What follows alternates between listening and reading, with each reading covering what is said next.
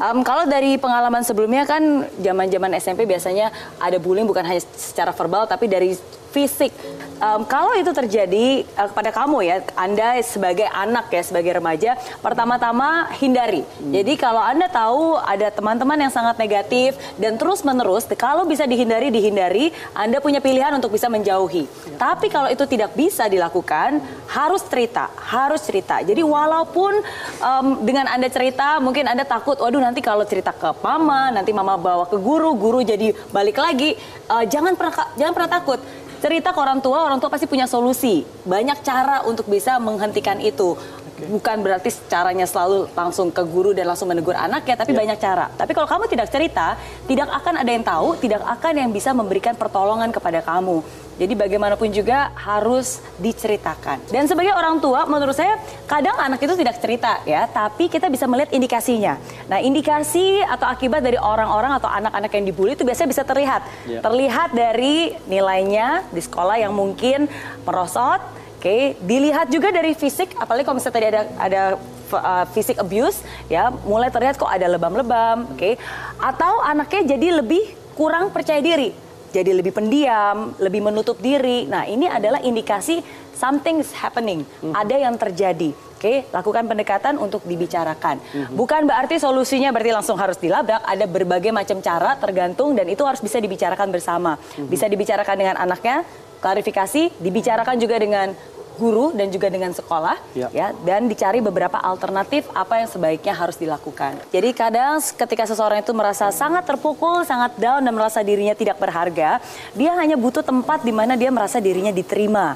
Dia merasa dia butuh suatu tempat di mana dia merasa bahwa oke okay, ini saya, saya seperti ini Uh, dan dengan saya yang tidak sempurna ini saya tetap diterima, saya tetap dicintai. Dan itu sebenarnya sudah cukup untuk menjadi awal supaya anak itu bisa punya self confidence, self love dan akhirnya bisa bangkit lagi. Di saat seperti ini yang paling paling penting menurut saya dia harus bisa mencari tempat di mana dia merasa dirinya diterima. Dia merasa bahwa it's okay, it's normal seperti tadi saya bilang, self acceptance. Ketika dia berada di tempat di mana dia merasa dirinya diterima, baru perlahan dia bisa mulai ada yang namanya self acceptance sendiri.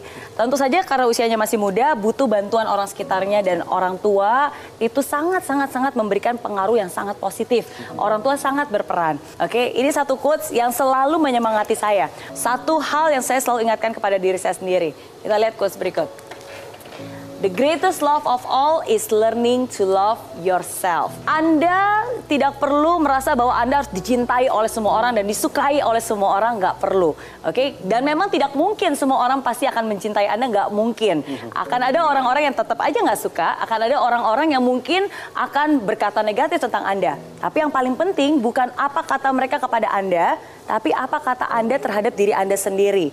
Dan cinta yang paling-paling berharga adalah ketika Anda bisa menghargai dan mencintai Anda diri Anda sendiri.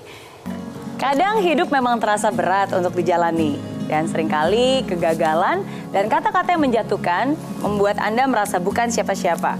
Membuat Anda merasa rendah diri dan tidak berharga. Tapi hari ini saya ingin bilang, Anda berharga. Anda sangat berharga. Tidak peduli apa pun kekuranganmu, apa pun kesalahanmu, apa pun masa lalumu, Anda tetap berharga. Anda pintar, tangguh, dan Anda adalah sosok yang unik dan hanya ada satu di dunia ini. Jadi, jangan membenci diri sendiri hanya karena Anda patah hati. Jangan merasa rendah diri ketika Anda dijauhi. Jangan berkecil hati walaupun mungkin Anda dibully. Jangan pernah merasa Anda tidak pantas hanya karena orang bilang Anda tidak berkualitas. Jangan pernah hilang harapan hanya karena Anda pernah mengalami kegagalan. Anda layak dicintai, Anda layak mendapatkan yang terbaik dari hidup ini. Jadi, tersenyumlah. Tersenyum bukan karena Anda sempurna, tapi tersenyumlah. Walaupun Anda tidak sempurna, Anda tetap berharga. Oke? Okay?